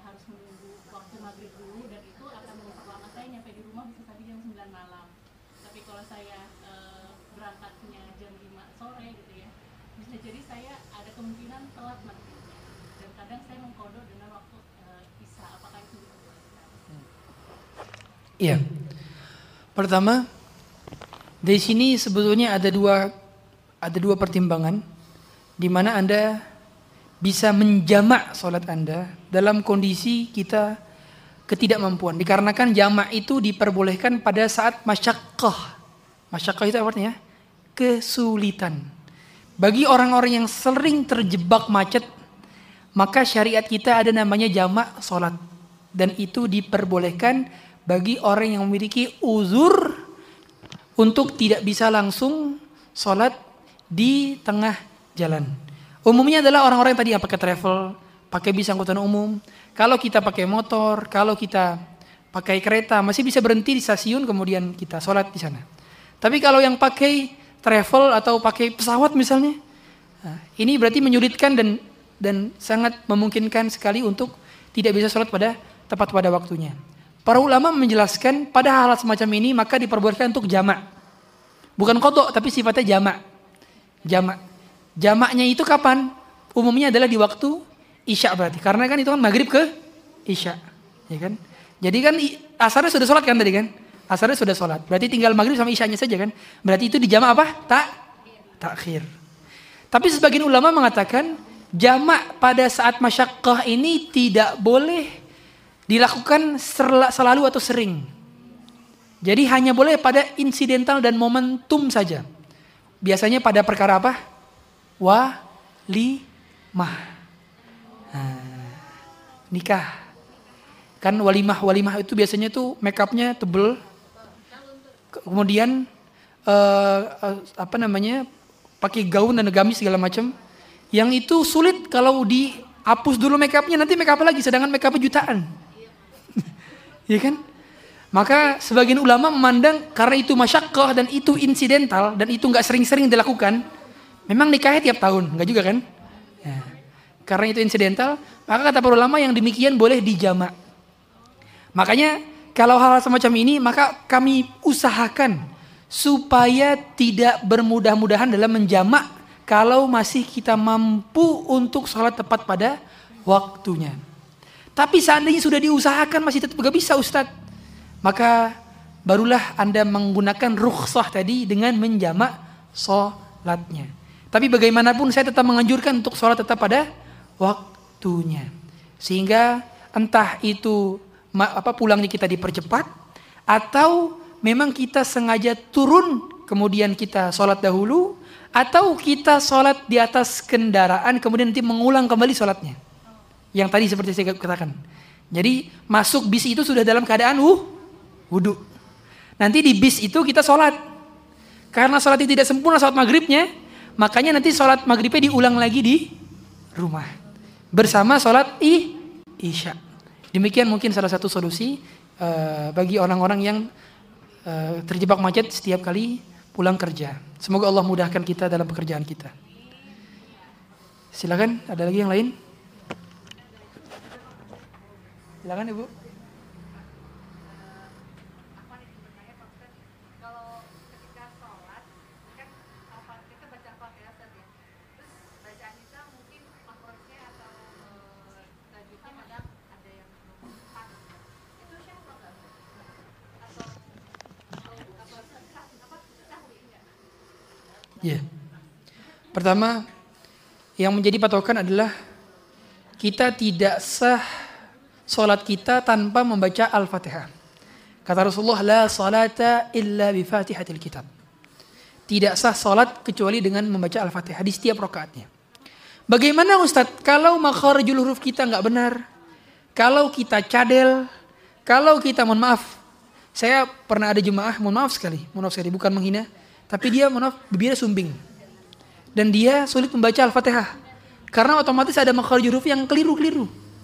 Nah, jawabannya adalah fattaqullaha mastata'tum. Bertakwalah semampu kita. Sehingga kalau kita mampunya segitu berarti tetap sah. Kecuali mampunya bisa tapi sengaja disalah-salahin. Nah, ini baru salah.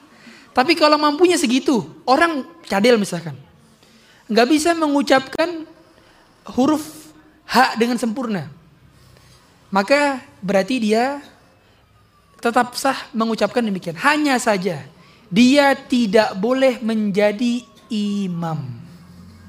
Karena kalau dia menjadi imam, dia menanggung Al-Fatihah makmumnya. Makanya mohon maaf sekali, kita tidak sah bermakmum di depan imam yang imam tersebut makharujul hurufnya salah. Tidak sah. Walad dolin dibaca walad golin. Kemudian panjang pendeknya salah. Alhamdulillahi rabbil alamin, alhamdulillahi rabbil ngalamin. Ini ada di kampung-kampung biasanya demikian. Maka kalau kita bermakmum dengan imam yang seperti ini, maka kita diwajibkan mufarokoh namanya. Apa itu mufarokoh Ustaz? Niat berpisah dari imam. Sehingga kita tidak sholat berjamaah bareng dia, tapi kita sholat sendirian. Karena kalau kita sholat di belakang dia, sholat kita ngikut menjadi tidak sah. Karena al-fatihahnya imam itu adalah al-fatihahnya makmum. Jadi kalau dalam perkara-perkara salat jahriyah, salat yang ada apa? Uh, jahri, salat maghrib, salat subuh, ya. Ini isya, ini kan salat yang jahar. Maka itu al-fatihahnya ditanggung oleh i, imam. Sehingga kalau kita bermakmum di belakang imam-imam yang bacaan al-fatihahnya rusak, maka kita tidak sah. Adapun pada salat isya, pada salat uh, asar, pada salat zuhur yang salatnya sirriyah, maka kita tetap sah karena Al-Fatihahnya masing-masing. Ya. Jadi tadi jawaban yang tadi adalah tetap sah karena semampu kita. Tapi dengan syarat tetap harus mempelajari bagaimana makharijul huruf yang benar. Allahu a'lam. Ada lagi Bapak Ibu sekalian yang tanyakan? Silakan Bapak Ibu.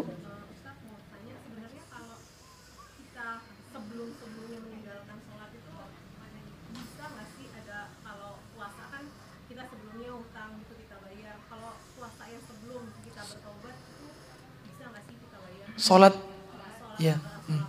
Terus yang kedua, saya, saya uh, nyetir Ustaz. Jadi um, pada waktu asar, pada kondisi tertentu itu saya nggak mungkin bisa sholat waktu itu.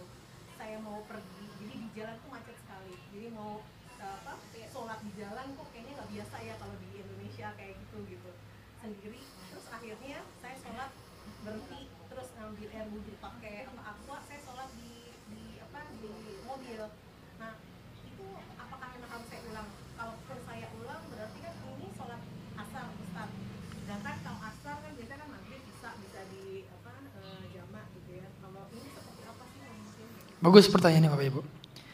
Mengenai pertanyaan apakah sholat-sholat yang kita tinggalkan di masa-masa jahiliyah pada saat kita belum hijrah, belum taubat, itu harus kita kodok atau bolehkah kita kodoknya gitu kan? Jawabannya katanya boleh atau tidak.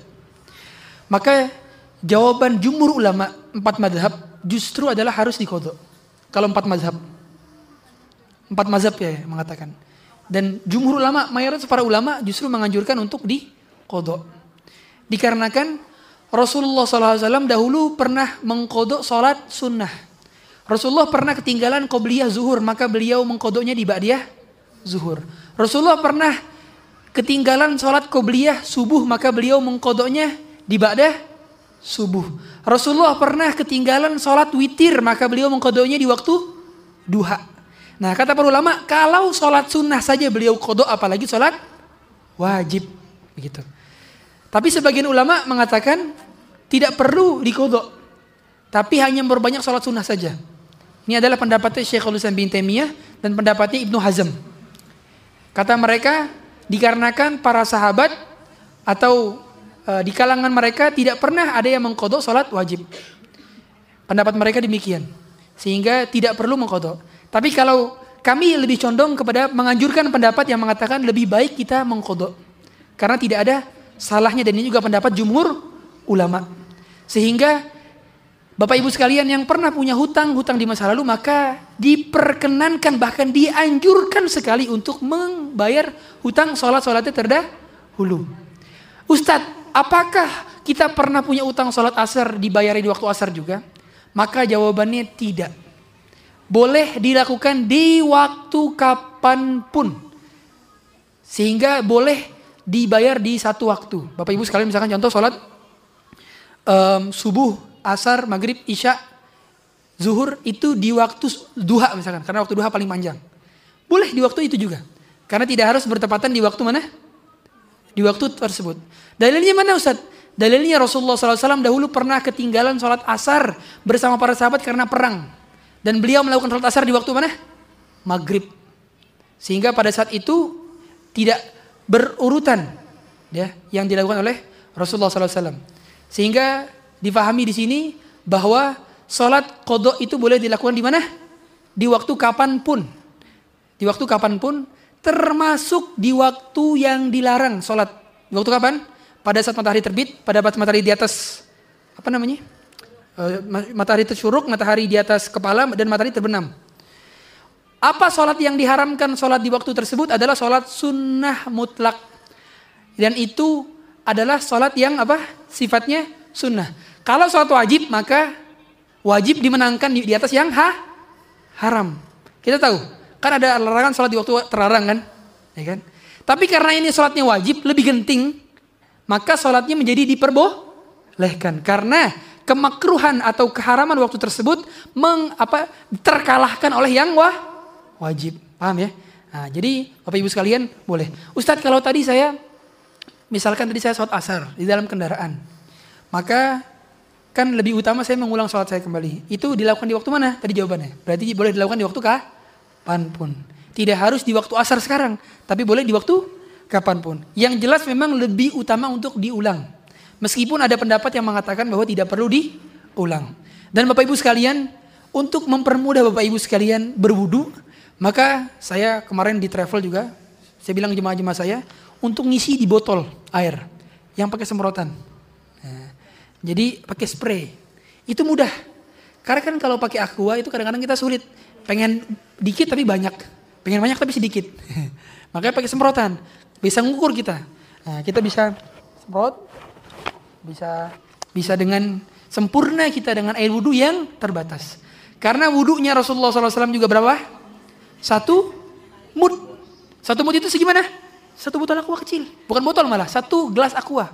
Sekitar satu gelas aqua. Saya penyebut merek lagi. Satu air mineral. ya satu air mineral dari dari yang itu ya, yang apa namanya gelas. Segitu. Berarti Rasulullah hemat dalam air. Bahkan Rasulullah menegur sahabat yang apa? Berwudu berlebih-lebihan meskipun di sungai. Berarti kita kalau wudhu pun harus hemat dan se apa namanya secukupnya saja, tidak berlebihan. Pun kalau buka keran. Nah, kalau bapak ibu buka keran jangan sampai di fullin buka kerannya jangan.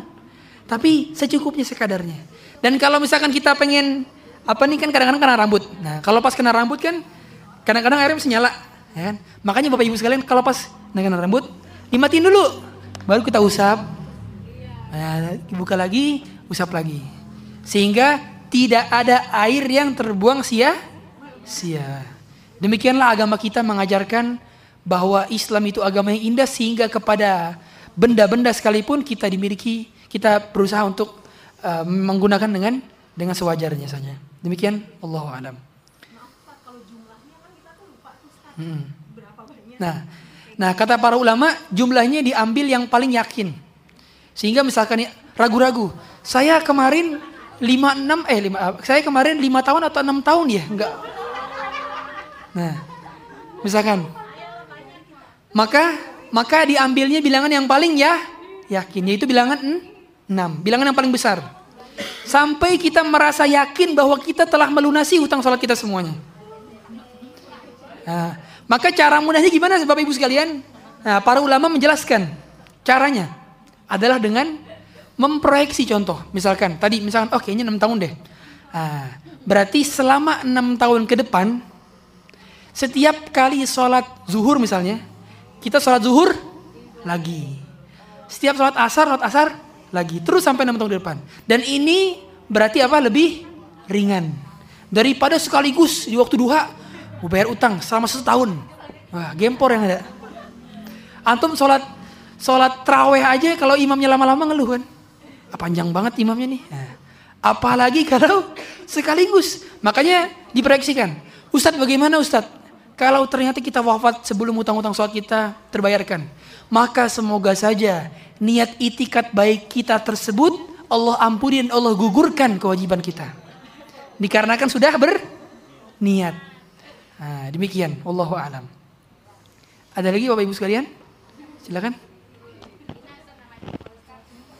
Ustaz, kalau misalnya kita uh, udah make haid, tapi pas waktunya azan gitu, kalau gitu kayak kemarin nih, saya kan uh, azan, Ustaz, terus wudhu, tiba-tiba cek gitu. Cek. terus ke toilet, ya gitu. Itu harus diganti nggak sih kalau Ah, jawabannya adalah dilihat dari berapa jarak antara masuk waktunya sholat dengan ngecek. Kalau jarak antara pas masuk waktu sholat dengan ngecek, itu seukuran dengan mampu melaksanakan sholat secara ringan, wudhu dan sholat secara ringan, maka berarti dia wajib kodok sholat tersebut. Ketika nanti pas suci contoh. Misalkan waktu zuhur itu jam 12.00. Nah, kemudian dia ngeceknya itu 12.02. Nah, dua menit tersebut itu kan gak bisa digunakan untuk wudhu dan digunakan untuk sholat. Karena seminimal-minimalnya orang bisa wudhu dan sholat secara ringan itu 4 menit, 5 menit. Umumnya, umumnya. Saya prediksi demikian. 5 menit sampai 4 menit. Sehingga kalau kurang dari 5 menit contoh, berarti tidak wajib apa? Koh? Kodoh. Tapi seandainya contoh, Bapak Ibu sekalian azan pukul 12.00. Baru ngecek haidnya itu jam 13.00. Berarti ada waktu sejam kan? Berarti ada kemungkinan dia sempat suci di waktu zuhur tapi dia tidak langsung sholat. Nah berarti dia hendaknya langsung apa? Berarti jadi kok kodok pada sholat zuhur tersebut. Karena harusnya dia ngecek di awal malah dia mengulurkan waktu tersebut sehingga ada waktu di mana dia sudah masuk untuk sholat dan dia suci tapi dia belum sholat. Akhirnya dia wajib kok. Makanya ada beberapa waktu bapak ibu sekalian kapan kita ngecek waktu haid atau tidak. Pertama, pada saat ke kamar mandi, ketika istinja dicek dengan kapas. Dan umumnya wanita itu baru akurat ngeceknya dengan kapas. Karena kalau mohon maaf, lihat di ke mohon maaf sekali. Lihat di apa namanya kema- apa eh, apa di celana-celana dalam bersih. Pas dicek di kapas berdarah. Sering kan? Ini saya nggak pernah ngalamin. Tapi saya Tapi saya belajar dari guru-guru saya demikian. Katanya begitu. Kemudian yang kedua pada saat apa? Menjelang waktu sholat. Jadi pas sebelum azan, 5 menit sebelum azan, bapak ibu cek di kamar mandi. Atau pas azan lah, pas sudah masuk sholat, kamar mandi dicek. Nah, supaya nanti apa? Kalau seandainya sudah keluar berarti nggak kok, nggak kodo. Tapi kalau sudah extend kita lama-lamain, maka nanti akan ada konsekuensi kodo. Kalau ternyata memang eh, pada saat itu kita sudah haid. Dan yang ketiga adalah sebelum tidur. Hmm. Nah, seringnya Bapak Ibu sekalian, misalkan lagi haid nih, ya. Itu kan sebelum tidur hendaknya kita ngecek. Karena kalau ternyata kita sebelum tidur sudah suci, berarti harus sholat apa? Isya. Dan umumnya perempuan itu nggak ngecek, dia tidur sampai subuh, akhirnya isyanya nggak disolatin. Akhirnya apa? Punya utang sholat isya. Padahal dia setelah suci di waktu malam. Harusnya dia sholat isya. Atau mohon maaf sekali, sengaja menunda mandi padahal sudah suci ketika di kantor. Hmm. Nah, ini nih, ini relate.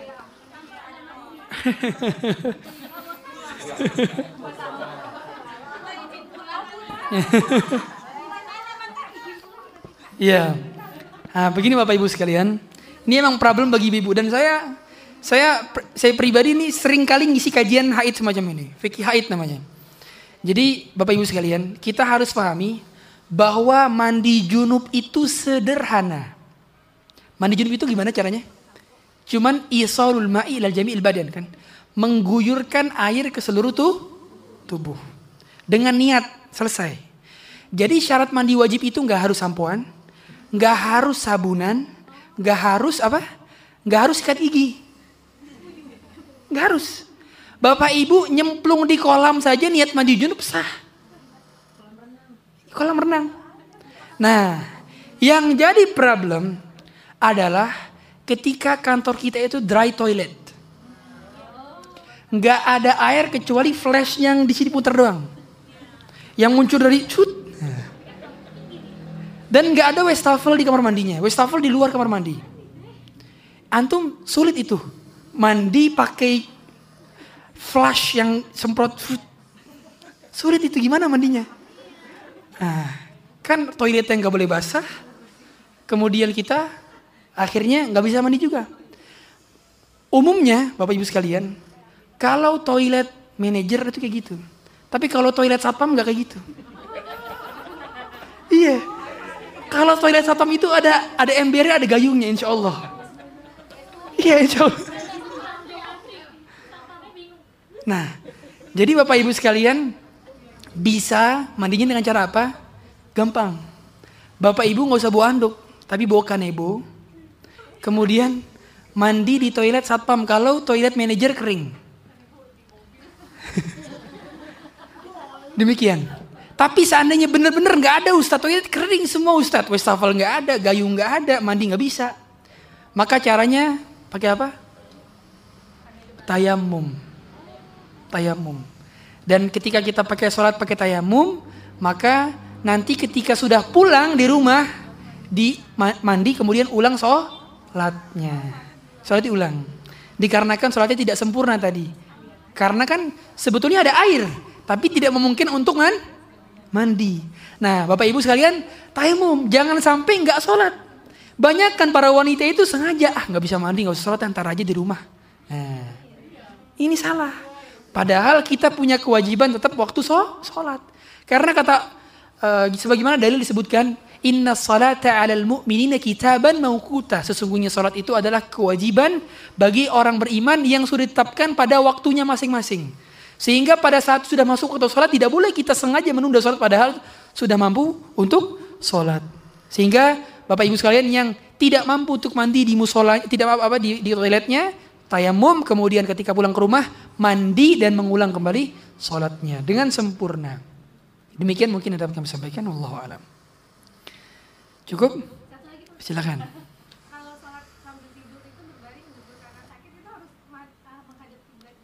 Iya, betul. Harus menghadap kiblat, betul. Iya, tetap patokan dari para pahala satu setengah itu keadaan. Kalau sholat sunnah tadi, kalau sholat sunnah. Tapi kalau sholat yang wajib maka tetap sempurna. Karena itu bukan ke atas kehendak dia. Tapi kalau sholat sunnah dan dia mampu, maka itu kan kehendak dia. Bisa sholat berdiri, bisa sholat duduk. Adapun pada saat sholat orang sakit dan dia duduk, maka pahalanya sama dengan orang yang sholat berdiri. Demikian. Sudah cukup? Oh iya. Oh, Fadol. Eh, bolehkah ahwat sholat di kamarnya bacanya dengan dizaharkan atau dikeraskan? Jazakallah. Iya. Betul. Sholat pada dasarnya boleh dijaharkan, boleh disirkan. Jadi sholat zuhur, sholat asar, itu menurut para ulama itu boleh dijaharkan. Meskipun afdolnya dia apa? Sirkan. Adapun sholat maghrib, sholat isya, sholat subuh itu boleh disirkan meskipun afdolnya dijaharkan. Nah, dikarenakan hal tersebut masuk dalam bagian sunnah. Demikian para ulama menjelaskan.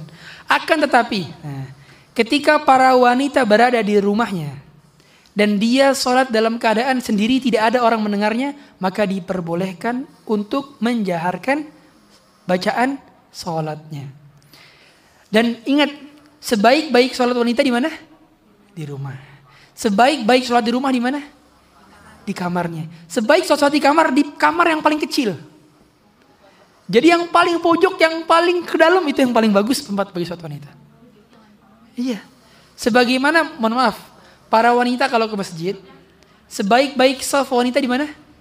Paling belakang. Supaya tersembunyi, karena semakin tersembunyi semakin bah, baik bagi para wanita. Nah, oleh karena itu seandainya di kamarnya tidak dengar suara kedap suara yang di luarnya atau non mahramnya, maka tidak dipermasalahkan karena elatnya telah hilang.